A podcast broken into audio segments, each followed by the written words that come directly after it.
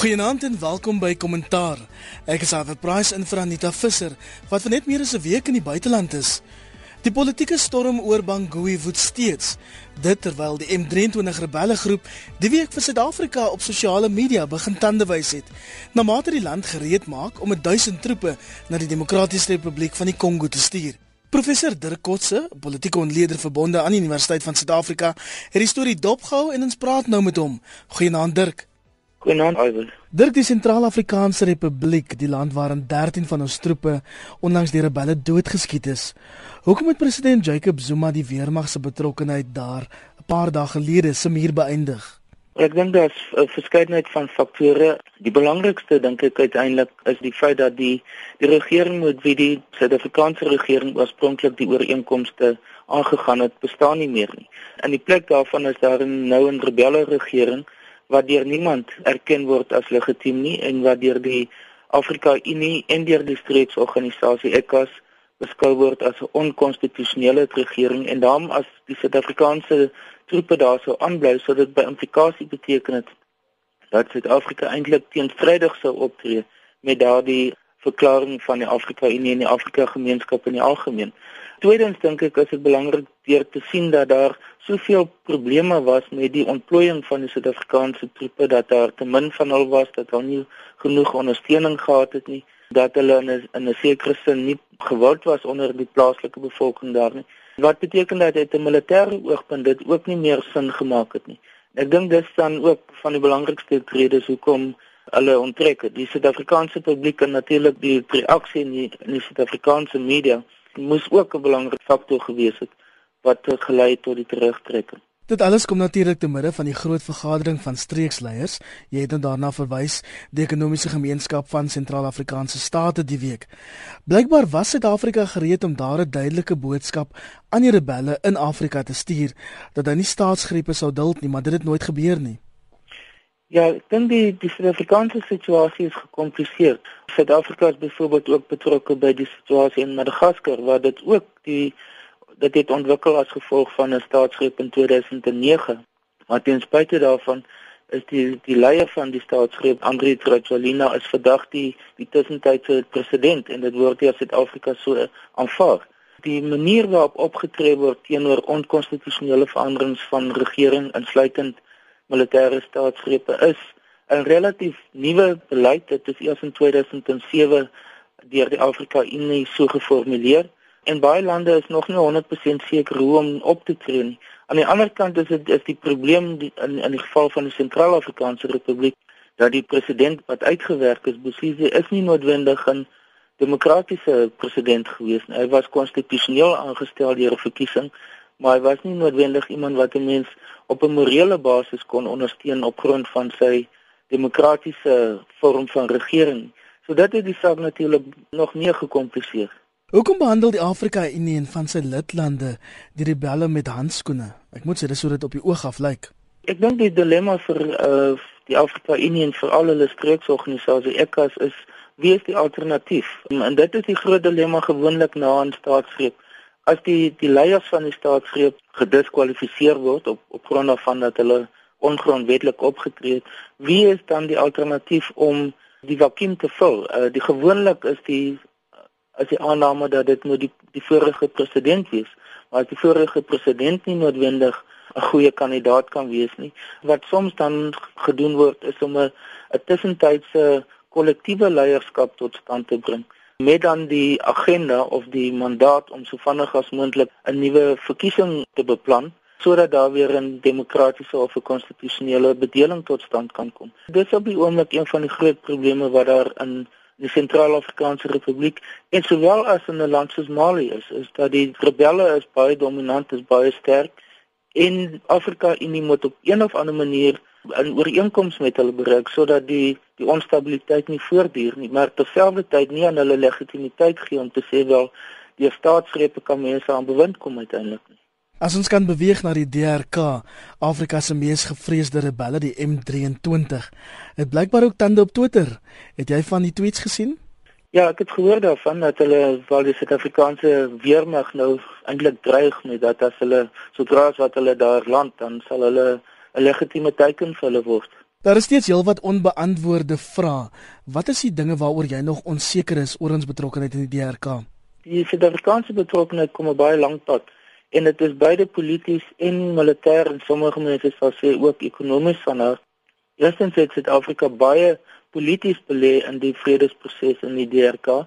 Die sogenaamde Sun City onderhandelings wat hier plaasgevind het wat gelei het tot die vredesooreenkoms, dan ook met byvoorbeeld die laaste verkiesing het die Suid-Afrikaanse verkiesingskommissie 'n baie groot rol gespeel in die ondersteuning van die Kongolese verkiesingskommissie. En Suid-Afrikaanse troepe is deel van MONUSCO nou vir 'n redelike lang periode reeds. Die jongste ontwikkeling om nou 'n intervensie mag tot stand te bring via die VN, um, wat baie meer aggressief kan optree of proaktief kan optree of die rebelle kan ontwapen of kan as hulle byvoorbeeld 'n sekere gebied beset om dit te weer te kan on ontset soos in Goma.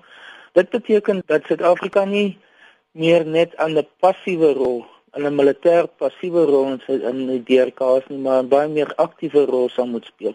Tot 'n groot mate is dieselfde as wat uh, gebeur in in uh, Darfur, waar dit ook Suid-Afrikaanse troepe is die groot risiko vir die Suid-Afrikaanse weermag is dat dit kan beteken dat daar meer verliese sal wees as in die verlede. Daar is wel Suid-Afrikaanse soldate wat in Darfur omgekom het, maar nog nie in die Kongo nie.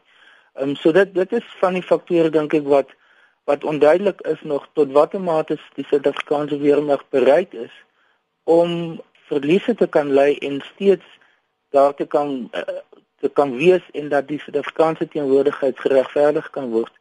Ehm um, wat ons nou sien is dat ek dink is lesse geleer uit die Sentraal-Afrikaanse Republiek se ervaring. Daar is definitief baie meer ondersteuning wat gestuur word na die DRK toe. Mense kan dit net sien uit die lugverkeer hier van Pretoria af. Ek dink hulle gaan dieselfde foute noodwendig maak. Met die groot onsekerheid is hoe gaan die Suid-Afrikaanse troepe hulle self kan hanteer in 'n baie vreemde omstandighede. Dit is Franssprekend Suid-Afrikaanse troepe kan nie Frans praat nie ehm um, die die omstandighede die plaaslike omstandighede daar is baie anders as dit waarna hulle gewoond is. En dan om rebelle te kan konfronteer dit gaan 'n tipe van 'n nie noodwendige konvensionele oorlog wees nie en dit is nie vir my duidelik of die Suid-Afrikaanse troepe werklik voorberei is vir 'n onkonvensionele vorm van oorlogvoering nie Dirk as ons kan aanbeweeg na 'n ander groot storie die week, die dood van barones Margaret Thatcher, voormalige Britse premier. Nou sy was nie oral baie geliefd nie.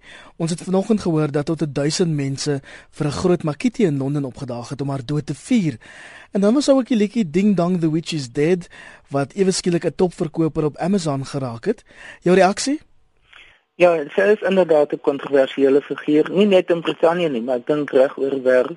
In lande, ontwikkelende lande soos Suid-Afrika of ander Afrika lande het sy bekend geword vir haar ekonomiese filosofie van Thatcherism wat hoofsaaklik daarop neergekom het om die private sektor soveel as moontlik te stimuleer, die openbare sektor soveel as moontlik af te skaal.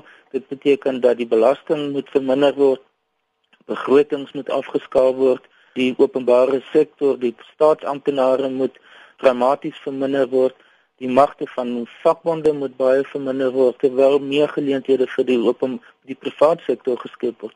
Privatisering van semi-staatsinstellings moet plaasvind.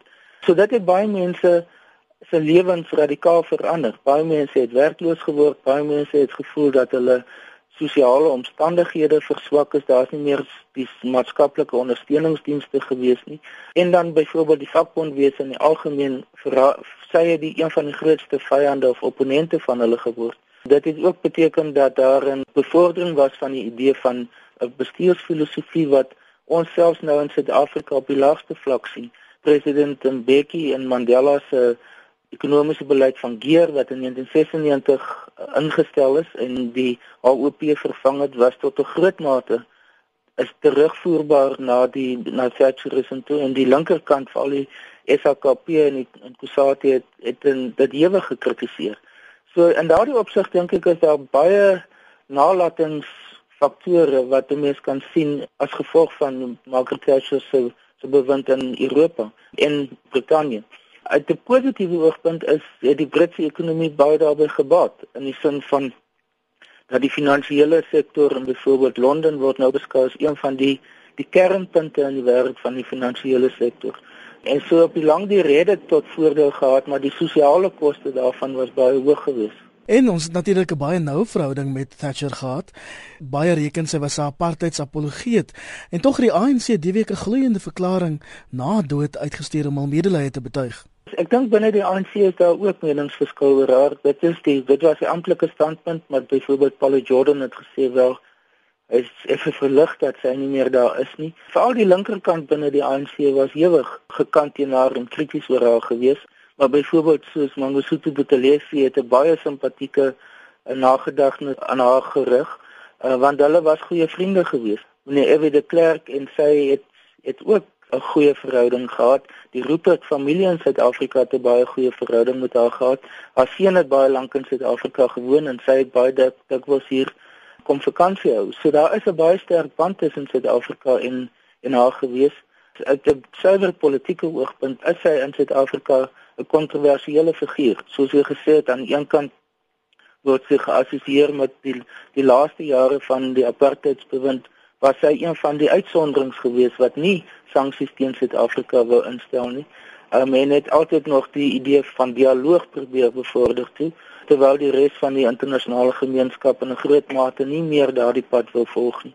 En dan het sy ook hierdie baie belangrike invloed gehad op die ekonomiese denke in Suid-Afrika. En sy het ook 'n baie groot invloed gehad op die Afrikaanse gemeenskap. Om die waarheid te sê, sy het in 93 jaar 'n eregraad by die destydse RAI gekry. 'n Stukkie in Afrikaans gesê wat baie harte geroer het en daar's baie mense wat dit vandag nog onthou dirk.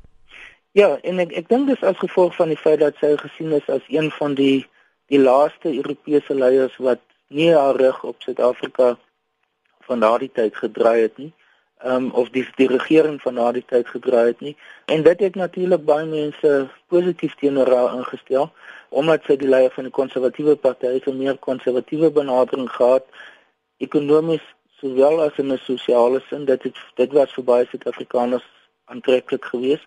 Ek dink die die feit dat sy haarself dat sy 'n figuur was wat sterk 'n sterk politieke leiding geneem het. Dit is aantreklik vir Suid-Afrikaners. Suid-Afrikaners hou van 'n sterk politieke leier.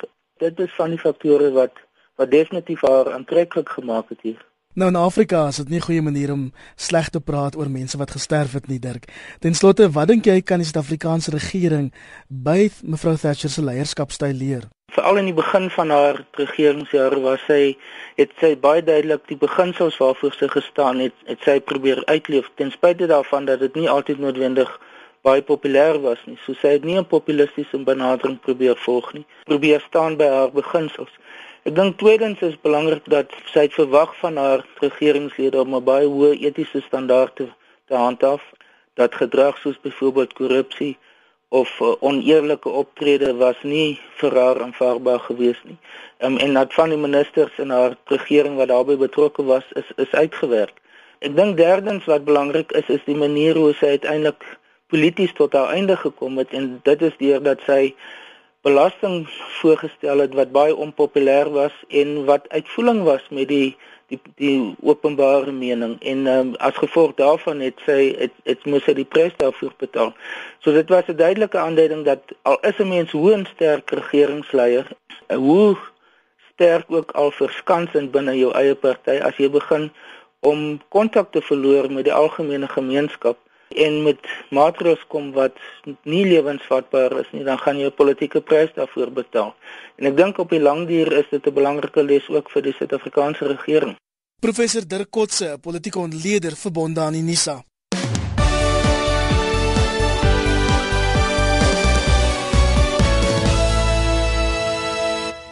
Die nuus die week dat Suid-Afrika 1000 troepe in die DRK gaan ontplooi as deel van die VN se vredesmag, het ook 'n reuse impak op Suid-Afrika se beeld en handelsmerk.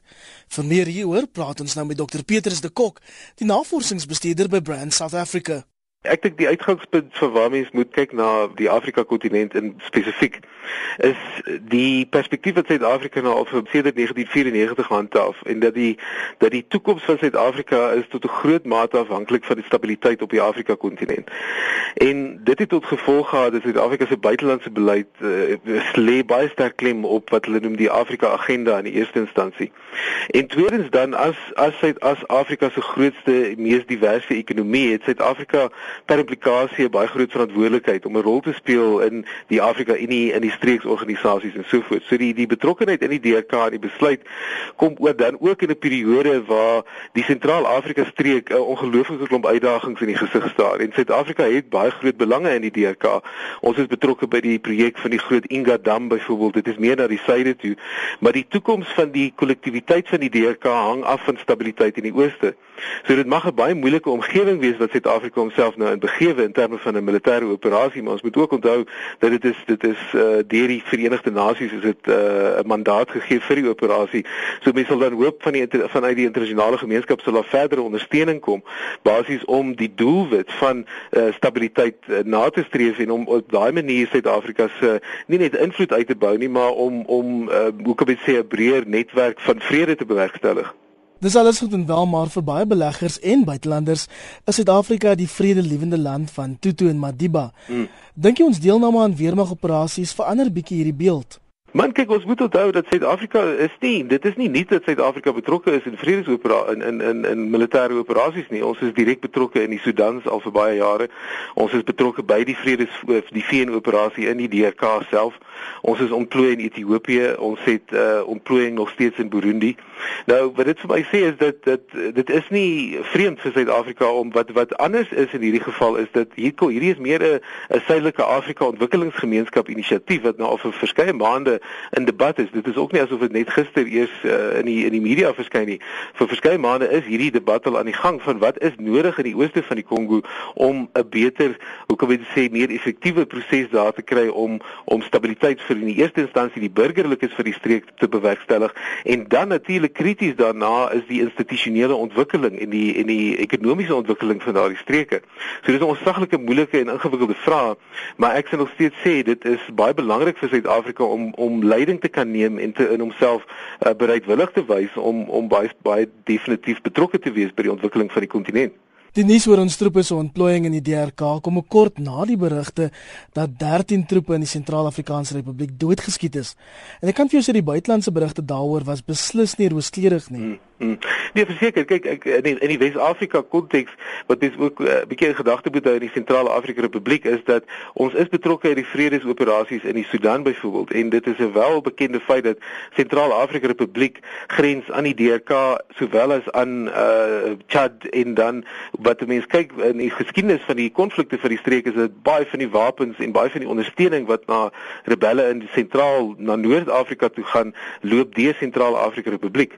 So wat ek probeer sê is op 'n vanuit 'n strategiese oogpunt is dit on, baie ongelukkig wat gebeur het by die Suid-Afrikaanse troepe in die Sentraal-Afrika Republiek, maar ook nog steeds net om bietjie die ding te onderstreep dat dit is wel belangrik om uh, betrokke te kan wees by prosesse in die land. En mense moet nou natuurlik gaan kyk wat is die die politieke proses wat gaan ontvou in die Sentraal-Afrika Republiek. En Suid-Afrika is nog steeds betrokke op 'n diplomatieke front um, by die onderhandelinge um, van die streeksorganisasie. So Suid-Afrika bly betrokke. Ek en maar wat die minister van buitelandse sake ook baie duidelik gemaak het tot tyd en wyl daar nie 'n uh, konstitusionele uh, verkose regering in in in mag kom in die sentrale Afrika Republiek sal ons nie nie weer um, enige militêre betrokkenheid daarin stuur nie. En so gesels Dr Petrus de Kok, die navorsingsbestuurder by Brand South Africa. As jy dalk laat by ons ingeskakel het, goeienaand. Jy luister na kommentaar op RSG. Ek is Alfred Price in vir Anita Visser wat vir net bietjie meer as 'n week in die buiteland is. Nou vir ander stories wat die week die nuus oorheers het, professor Jonathan Jansen waaruit in 'n berig in die dagblad Volksblad, die SAIK spog met sy nuwe tussentydse raad en die Independent Koerante groep nou weer in plaaslike besit. Vir kommentaar op die stories praat ons nou met professor Frans Kreer van Witse Journalistiek Departement. Frans, kom ons begin by professor Jonathan Jansen, direkteur van Universiteit van die Vrystaat. Sy reaksie na Volksblad berig het dat Jansen aan 'n groep skoolleerders sou gesê het hy wens oud-president Nelson Mandela wil nou sterf. Het jy dit ervaar as 'n aanval op die koerant se geloofwaardigheid? Wel, ek het 'n bietjie gekyk daarna na wat die verskillende kante gesê het en wat daarbey uitgekom het. Lyk vir my hy het soortgelyke woorde gebruik Maar terselfdertyd het hy dit natuurlik nie so bedoel soos hulle dit dan daar gestel het in die koerant nie. En ek dink ehm um, albei kante seker maar 'n bietjie verkeerd hieroor. Ek dink dit was 'n bietjie moedwillig van die koerant om dit so te stel asof hy nou wens Madiba moet sterf. Maar dit was seker nie sy bedoeling nie. Hy ek ek meen dis sy bedoeling was heeltemal anders om te sê hierdie voortsleepende storie oor is hy nou siek, hoe siek is hy, hoe lank gaan dit nog vat en so aan en so voort is is nie regverdig teenoor hom nie.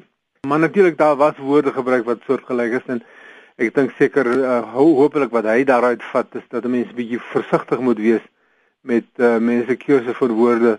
Daar is so baie em emosies geheg aan aan die toestand, die gesondheidstoestand van oud president Mandela. So mense moet dink dink ek taamlik versigtig wees hoe mense daarmee omgaan. Jansen het nie doekies omgedraai nie. Hy het die betrokke joernalis op die naam genoem in 'n onderhoud met Monitor en gesê dat hy moetswillig en op soek na sensasie was. Eintlik kan beide Volksblad en die Universiteit van die Vrystaat nie bekostig om kwaai vriende te wees nie, veral nie in so 'n klein provinsie nie.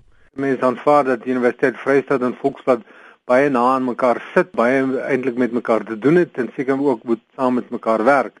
So ons hoop dat hulle hierdie um, probleem kan oorkom uit die uh, beriggewing verder in Volksblad en oor die wyse waarop uh, Jansen self hierop nog verder gepraat het, is daar taamlik slegte verhouding op die oomblik, maar mense hoop vir hulle saak dat hulle dit kan oorkom. Kom ons praat oor Volksblad se reaksie. Beide die joernalis Pieter Steyn en dan Volksblad se redakteur Johanna van Eden wou nie onderhoude oor Jansen se openbare tirade amper teen die koerant toestaan nie. Het hulle nie 'n kans verspeel om die koerant se geloofwaardigheid te verdedig nie? Ja, ek dink dit sou seker beter gewees het as hulle daai kanse waargeneem het. Ek dink dit is altyd beter om om in die publiek op te tree en te sê wat jy wil sê om jou te verdedig as dit dan dit verg of dan verskoning te vra as jy voel dit is geregverdig. Die aanspreeklikheid van koerante van joernaliste is 'n baie belangrike beginsel en ek dink koerante en redakteure en joernaliste moet eintlik bereid wees om in die bespreking in te gaan oor dit wat hulle gedoen het en aan die publiek te verduidelik of te regverdig of dan verskoning te vra. So ek dink hulle het 'n kansie misgeloop ja.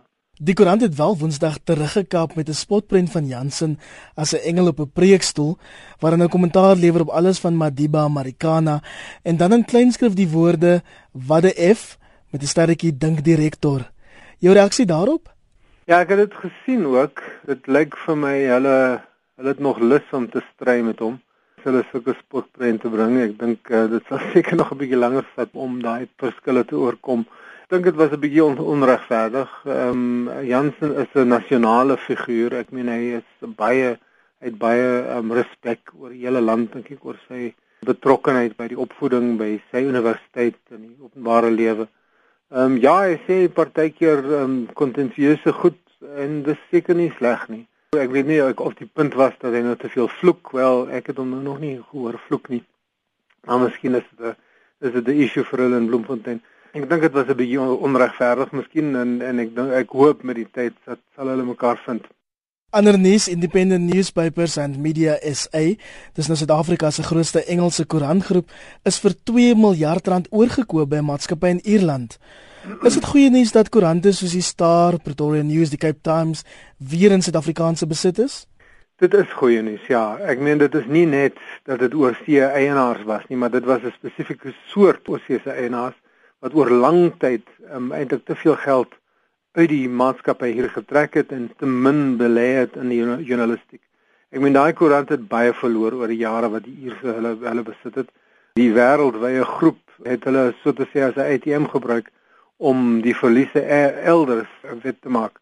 Dit is goed. Ek meen ons hoor nou van die nuwe eienaars dat hulle beoog om weer 'n bietjie te belê in die kwaliteit van die journalistiek Oh, mens hoop dit beteken meer poste, bietjie aandag gegee aan die infrastruktuur want ek dink uh, die land uh, die, die media in die land as 'n geheel is armer as so groot koerante so Star, Cape Times en ander bestuur word soos 'n sponsorship.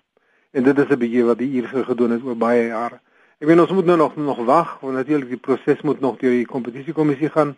En mens sal dan sien of daar nog conditions opgelê word of iets maar daarna sal mense dan sien of die nuwe eienaars regtig dit doen wat hulle nou sê wat hulle gaan doen en dit is 'n bietjie meer te belê in in die journalistiek.